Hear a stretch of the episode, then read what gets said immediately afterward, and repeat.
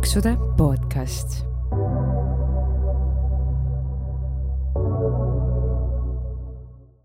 tere tulemast kuulama Paksude podcasti, milles me jagame teiega elu paksuna, kuidas ja miks me end paksuks sõime, kuidas me ülekaaluga võitleme ja mis on need suurimad mured ja rõõmud kogu selle teema ümber. mina olen Elina. mina olen Amalia.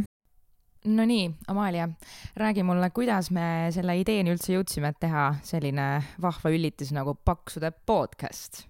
Mm,? see oli vist aasta lõpus.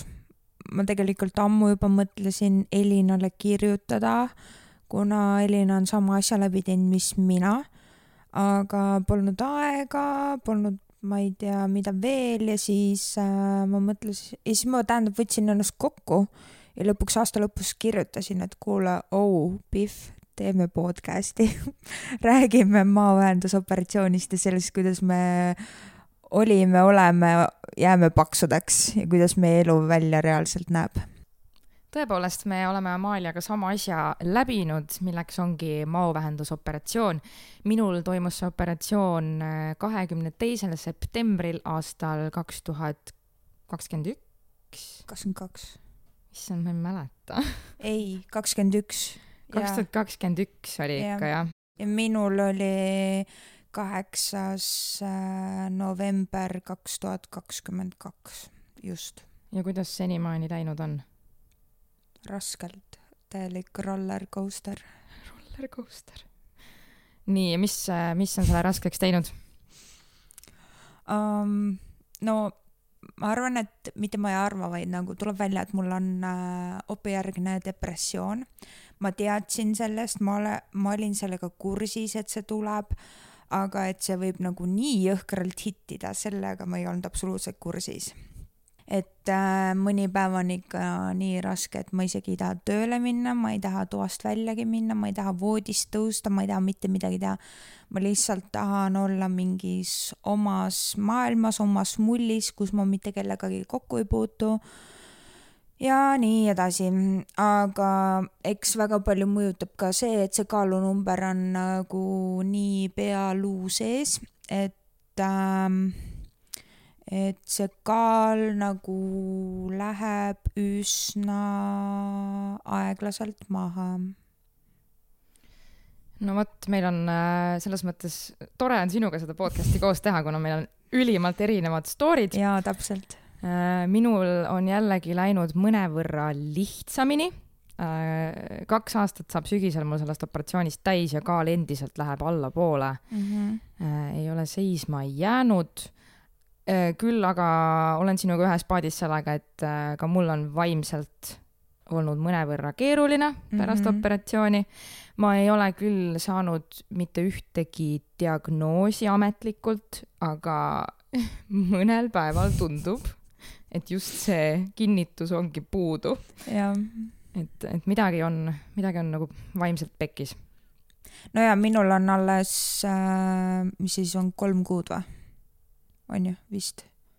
märt-, november, detsember, jaanuar, jah, kolm kuud saab täis mm. -hmm. et üleüldse mulle tundub, et äh, kaal kaalu suhtutakse või üldse paksudesse suhtutakse niimoodi, et see on ainult füüsiline probleem, et umbes mine trenni äh,, toitu tervislikult. söö vähem, pane pool suud kinni. mida mu isa mulle kogu aeg ütleb aga no tegelikkuses, tegelikkuses tahakski võib-olla kuulajad teieni tuua, et, et see on ikkagi vaimselt väga-väga eh, seotud. jaa, on, on, on. Elina, kuule, aga kuidas me üldse tuttavaks saime? ma, ma peaksin sinult seda küsima, sest ma hakkasin praegu meenutama ja ei tule meelde või? sa kirjutasid mulle Instagrami, aga ja. mille põhjal eee...? ma istusin tööl ja midagi ma jälle seal rääkisin nagu alati ja siis mu töökaaslane rääkis, et aa, et kas sa oled näinud seda tüdrukut Instagramis, et ta käis nagu maavähendusoperatsioonil. siis ma ütlesin ei. et äh, jaa, et ta käis seal, et äh, tema hakkas sind jälgima juba sellest, kui sa käisid seal Eerik Orgu saates mm. -hmm. ja ma ütlesin, et issand, ma üldse ei mäleta teda nagu päriselt. ja siis ma hakkasin sind follow ma ja ma vaatasin üldse su profiili ja asju ja siis ma kirjutasingi sulle, et nagu küsida operatsiooni kohta ja kõige kohta, kuna ma juba olin järjekorras selleks ajaks.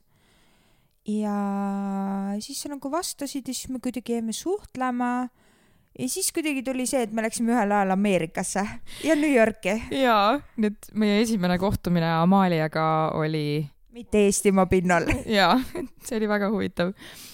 ja siis. keset Times Square'i. Just. MMM-i poe, ei, Disney poes. Disney poes. Disney poes uh,. ja siis oleme siin niimoodi omavahel DM-inud ja ühel päeval Amalia kirjutas mulle, kuule, Pihv on aeg teha podcast. jaa, sa olid siis palil? peaaegu, ma olin äh, Tais. Tais palil, same. Potato, potato. aga Amalia, räägi, miks äh, sina vabaühendusoperatsiooni kasuks otsustasid? No minu background on väga pikk, ma olen äh,, mm, ma just tegelikult siia Tallinnasse sõites mõtlesin, mul oli kuskil kaks tundi aega mõelda, et mis me üldse täna räägime, kuidas me selle kuulajateni toome, et oleks põnev ja oleks neil huvitav kuulata. et äh, mul tuli selline asi meelde, et äh, mu ema kunagi ütles mulle, et äh, sa hakkasid paksuks minema siis, kui sa hakkasid ise toitu valima. ehk siis senimaani, kuni tema pani mulle toidu ette, olin ma nii-öelda tema arvates normaalne ehk siis normaalkaalus, normaalne laps, aga siis, kui ma hakkasin ise toitu valima, sain nii-öelda suureks lapseks äh,, hakkasin paksuks minema, kuigi mina mäletan seda, et ma olen juba lasteaiast peale olnud teistest suurem, silmnähtavalt suurem. Ja eks äh, see ongi nagu sellest ka tulnud, et lasteaias võib-olla narriti, koolis võib-olla na-, mitte, mitte võib-olla, vaid koolis narritigi. Pidevalt, et minuga, mind nagu ei võetud nendesse mingitesse gruppidesse, värkidesse, särkidesse, ikka nagu laps tunneb ennast kuidagi kõrvalejäetuna ja ja kodus oli ka nagu sellised äh, teistmoodi suhted, et äh, võib-olla nüüd nagu suurena ma tagantjärgi mõtlen sellele, et võib-olla ma ei saanud nagu vanematelt piisavalt sellist äh, tähelepanu, mis panigi mind sööma ja ma lohutasin ennast ja oma üksildust seda söögiga.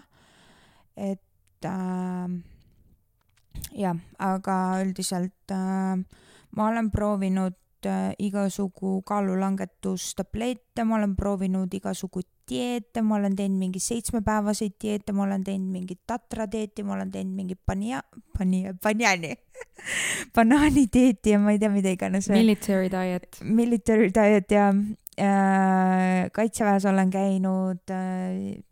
põhimõtteliselt minu esimene äh,, kuidas siis öelda, üldiselt võib-olla praegu hüppan ühest kohast teise, sest ma ei suuda nagu keskenduda mingile konkreetsele asjale. nagu me ennist aga... rääkisime, siis esimene kord läheb ikka aia taha, onju. jah, et äh, põhimõtteliselt oli niimoodi, et äh, enne üheteistkümnendas klassis olin ma üsna paks, siis ma hakkasin suvel, ema ostis mingid ekstra toidud, kuskilt Ameerikast tellis ja ma sõin neid toite neli korda päevas. Ja üks kord päevas siis oli samamoodi, et võis süüa mingit liha, kala ja salatit. Ja siis kolm korda päevas sõid neid toite, need olid kuivainepakid ja tihtipeale pidi seda kas veega tegema või lihtsalt krõbistama mingeid krõbuskaid. nii, sellega ma võtsin päris palju alla.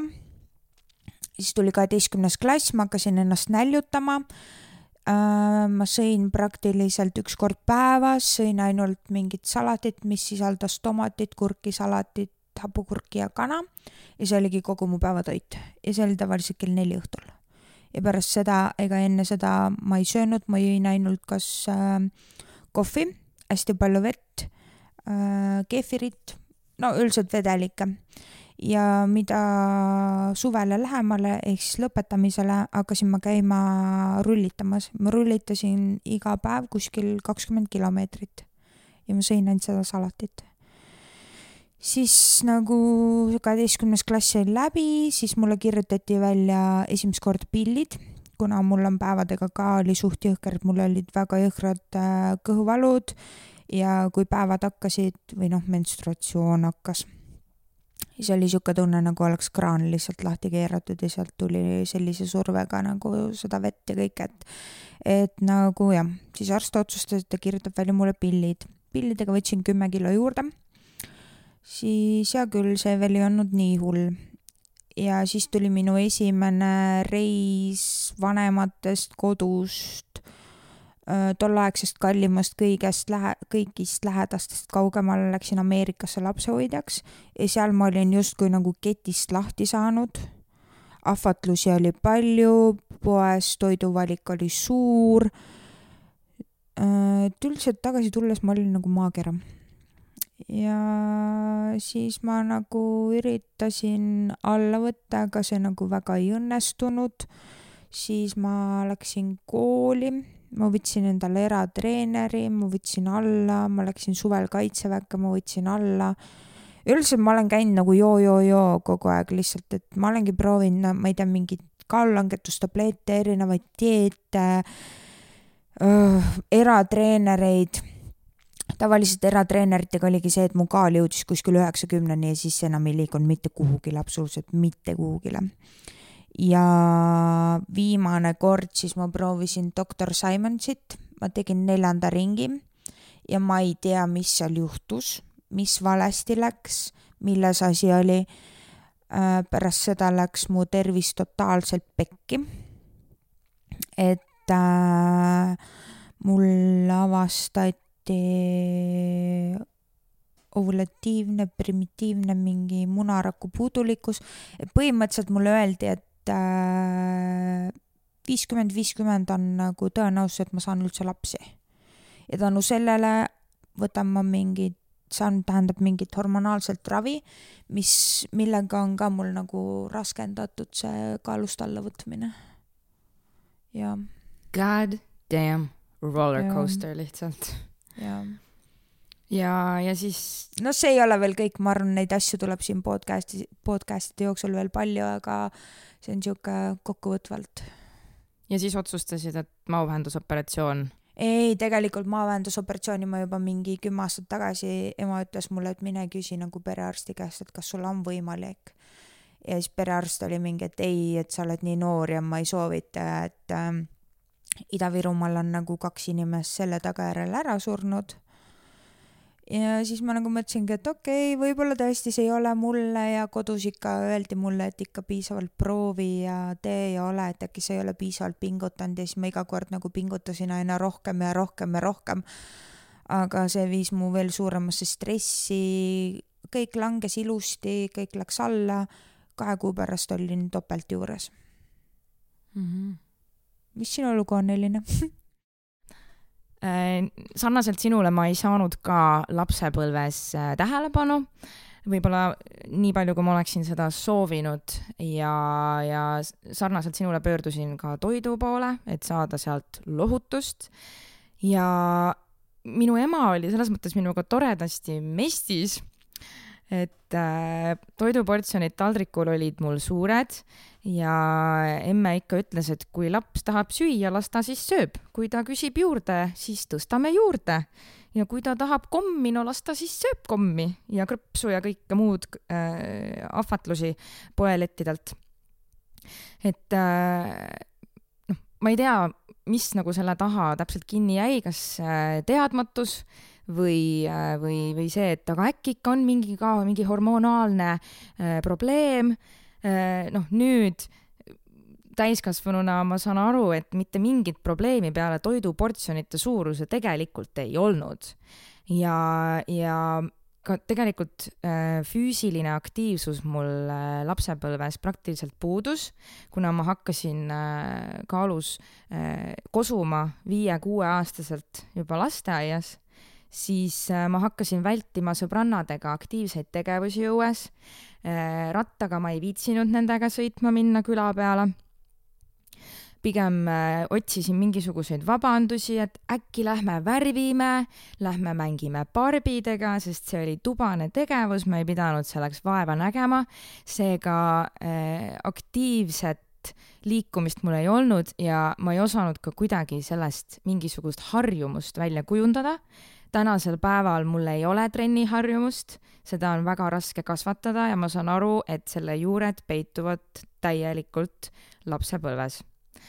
Äh, ja no niimoodi ma siis äh, suurenesin ja suurenesin ja ma väga armastasin mahla juua, see on ju sisuliselt suhkur, tühjad kalorid väga armastasin magusat süüa, kõikvõimalikke snäkke ja, ja, ja samas tegelikult kui mõelda noh, siis tavaliste nagu meal'ide peale või nagu toidukordade peale, siis äh, ma väga mingeid äh, köögiviljasid või suppe ka ei armastanud, ikkagi makaronid ja noh, makaronid vanasti, eks ju, kuidas ikka laps ütles, aga viinerid ja sardellid ja kartul ja kaste ja kõik selline ikkagi läks nagu peale, onju, mis on tegelikult täiesti tavaline toit, mida ka tänapäeva lapsed koolides söövad, onju, aga, aga ikkagi kõik äh,, mürk peitub kogustes ja siis ma kosusin ja äh, täiskasvanuna ka tekkis mul siis, või noh, ma sain aru, et mul oli tegelikult juba teismeeast alates olnud binge eating disorder ehk äh, ülesöömishäire äh,. jällegi, see diagnoos mul ka ametlikult puudub,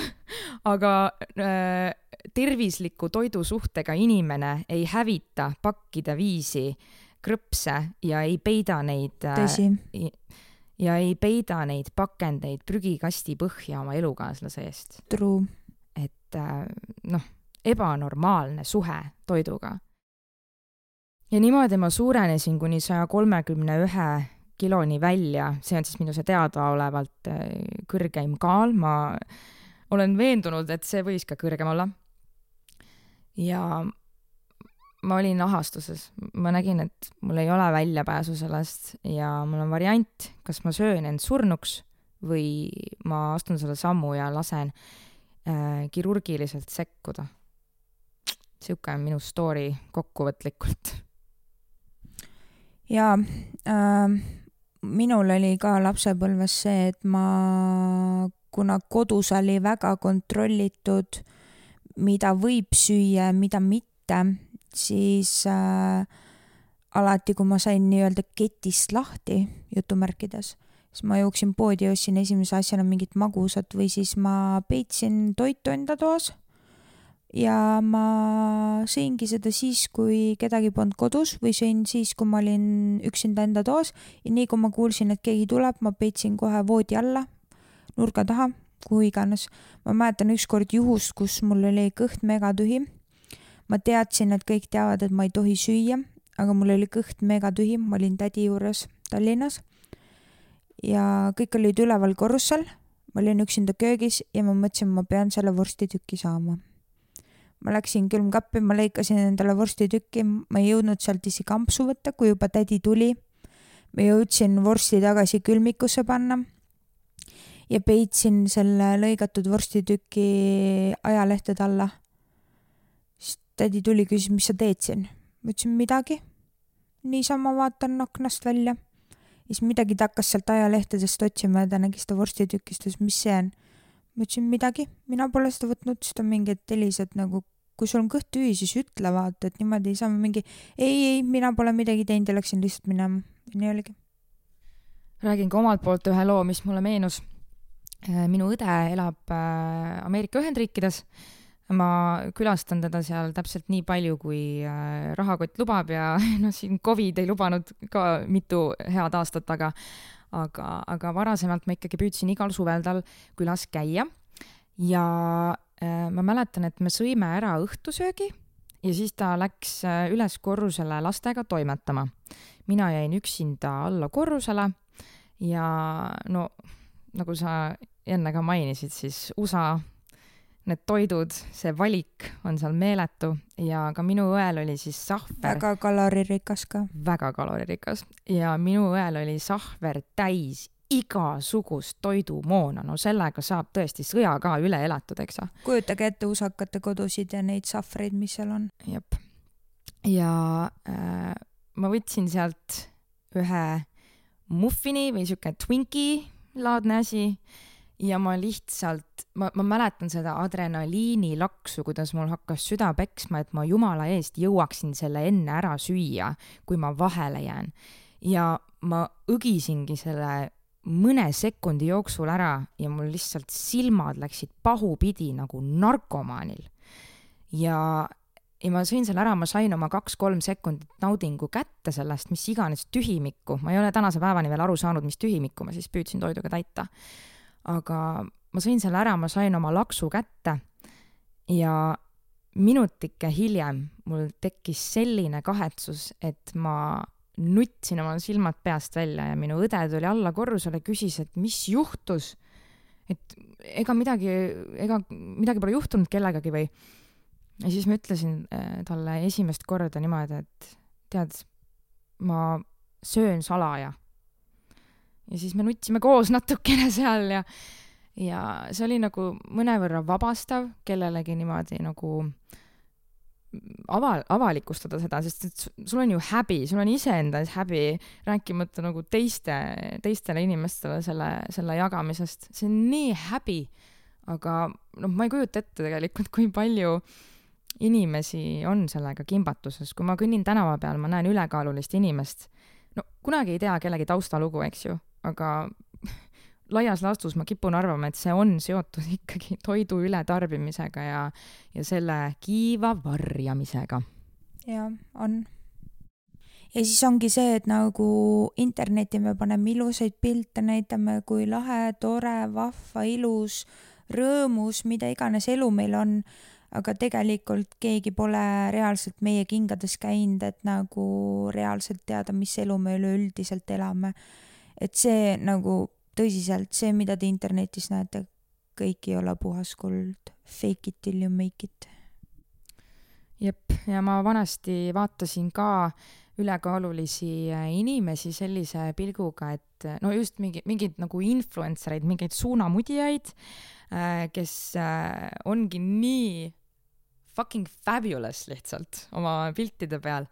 Aga nüüd, olles seljatanud selle kaaluprobleemi ise, ma tegelikult vaatan neid kahjutundega natukene, sest et ma tean, et neil ei ole peas või hingeliselt asjad päris korras. tõsi, mul oli ka seda salasöömist ja kõike seda, aga no minul oli muidugi see, et ma olen terve elu ka trenni teinud, et ma alustasin oma elu ujumisega, ma käisin ujumas kuus aastat, käisin võistlustel ma isegi ühel võistlusel ujusin enda rekordi võrreldes sellega, mis ma trennides ujusin, siis ma läksin iluvõimlemisse, ma käisin seal kolm aastat äh,. tegin spagaate selja peal ja ma ei tea, mida, tiritamme, mida iganes veel. Pärast seda ma läksin äh, hip-hop tantsu, sest see oli väga populaarne tollel ajal. JJ Street. no Jõhvis ei olnud meil J JJ Street ja meil oli mingi muu asi, aga põhimõtteliselt sama ja me käisime isegi koolitantsul või mis see kunagi oli. siiamaani on muuseas. ja, ja, ja, ja täpselt. aga mul tahtsin öelda, et mul Põltsamaal oli JJ Street, ma käisin seal. meil, meil Jõhvis nii fancy't ei olnud, meil oli mingi muu.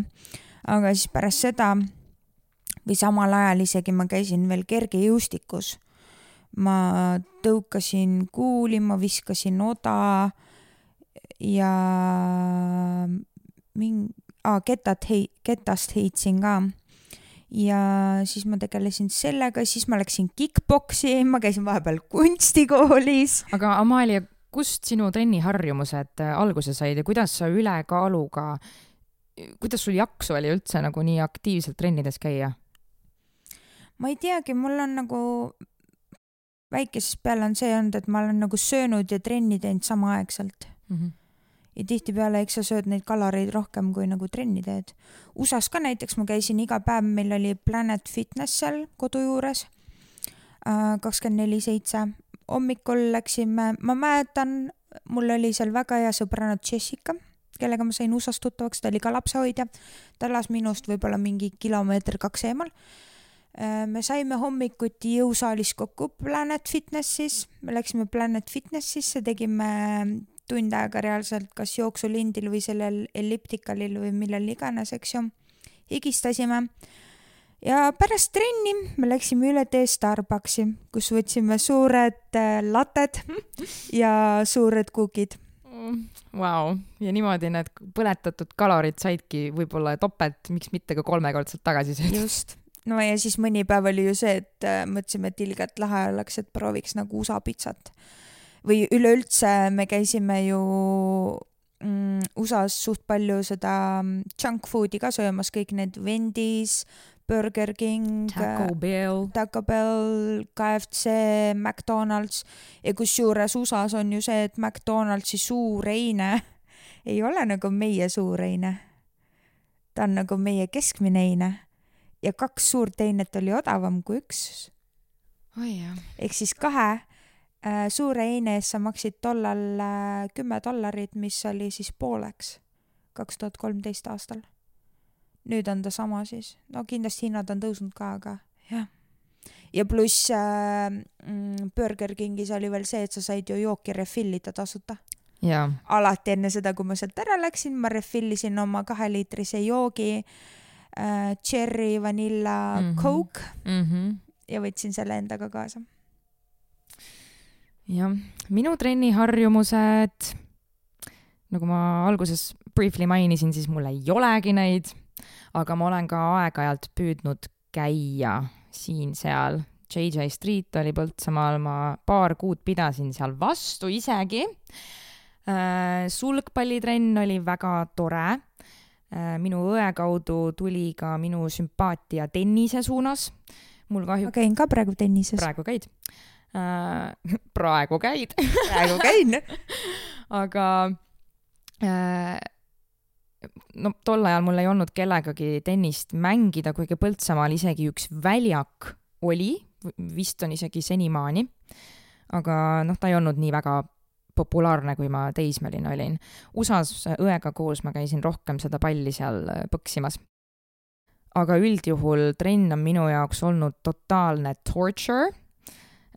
kehalise kasvatuse tunnid olid košmaar minu jaoks. ma vihkasin neid ma vihkasin neid nii palju, et, et ma arvan, et, et iga trenn minu jaoks toob mulle mingeid flashback'e nagu tagasi ja, ja, ja endiselt, kui ma käin äh,, olen käinud jõusaalis, hetkel ma aktiivselt ei käi, aga maksan ikka, sest äkki lähen ühel päeval, eks ju. ma nüüd hakkasin aktiivselt, ei tea, kui kaua mina jälle mõtlen, et kui tuleb päike välja, siis äkki on rohkem energiat ikkagi trenni hakata regulaarselt uuesti tegema, aga kui ma seal käin, ma ikkagi tunnen seda vastikust äh, enda kehas, et kõik vaatavad mind, äh, sest mina olin kehalises, kehalises kasvatuses loomulikult ainus paks laps ja riiete vahetamine. paks laps on ilus laps. paks laps, on ta ikka või?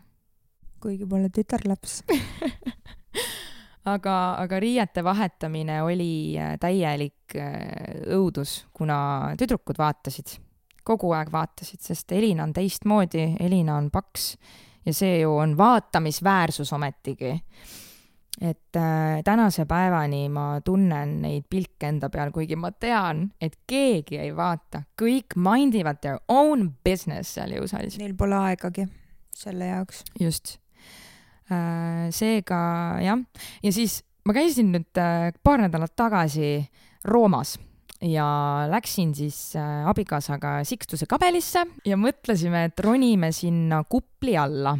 ja kujutate ette, mina kui kuuskümmend üks kilo kaaluv inimene, mul tekkis ärevushoog, kuna oli vaja ronida kolmsada trepiastet.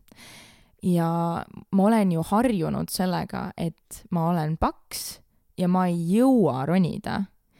ja aga sa jõudsid? ma, loomulikult ma jõudsin ja, ja mul jäi energiat ülegi. aga lihtsalt see, kuidas sulle on nagu kinnistunud see tunne, et või nagu sinu alateadvus mäletab, et sa oled paks ja sa ei jaksa teha trenni, sa ei jaksa liikuda, sa ei jaksa treppidest käia, et tänase päevani mul on sellest praktiliselt võimatu lahti lasta, kuigi mul ei ole põhjust muretseda, ma tean, et ma ju täna jaksan nii et need trenniharjumused ongi omadega sealmaal, et mõte on, et võiks teha, aga näed, millegipärast ei tee seega tubli Amalia, et äh, sa oled leidnud oma tee sinna trenni. ei trenni tea, kui kauaks, aga noh, loodame parimat. aga seoses trenniga mul tuli see meelde, et äh, kui ma Tallinnasse kolisin, ma hakkasin käima Reval, mis ta on, Reval Sport? Reval Sport vist peaks olema. Reval Spordis ja ma võtsin sealt endale treeneri ja siis ma hakkasin treenima, noh muidugi ma käisin mingi mm, kümme korda vist käisin treeneriga, ülejäänud aja käisin üksinda, aga ma mäletan, et seal ma nägin ühte Eesti kõige kuulsamat in-, influencer'it, keda siis keegi veel ei teadnud sellisel moel. kas oli... sa tahad nime avalikustada? ei mm. -hmm. ta oli üsna suur ja ma kogu aeg mõtlesin, et issand, et mul on nagu nii kahju temast, et nagu, aga et ta on nii tubli, et ta jaksab, teeb ja on, ta käis alati nagu bodypump'is minuga koos. ja nüüd aastaid, aastaid, aastaid hiljem ta on endaga väga palju vaeva näinud, ta on väga tubli, et nagu täiega respekt talle. super. Aga Elin, äkki sa siis tutvustad meie kuulajatele, mis on üldse maavähendusoperatsioon? jaa äh,, maavähendusoperatsioon on põhimõtteliselt rasvumise ravimine läbi kirurgia ja sinna võib-olla, sinna opilauale satuvad võib-olla inimesed, kes on äh, juba päris, päris kõrges äh, ülekaalus. äh, et tundub, et võib-olla enam nagu lihtsalt trenni ja toitumisega noh, seda kogust, seda kaalukogust siis nagu vähendada ei saa.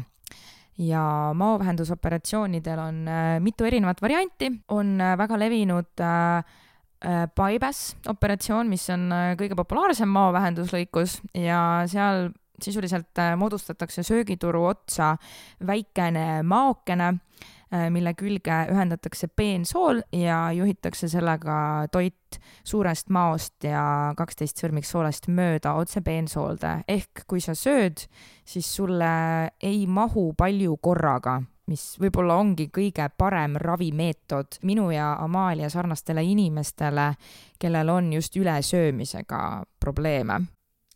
pärast operatsiooni sa lihtsalt füüsiliselt ei saa enam ennast lõhki süüa. No tegelikult vist saab, aga nojah, see on raskendatud see on raskendatud ja no ilmselgelt äh, on olnud äh, juhtumeid, kus inimene pärast äh, maovähenduslõikust sööbki ennast suureks ja vaata, et isegi kaks korda suuremaks tagasi.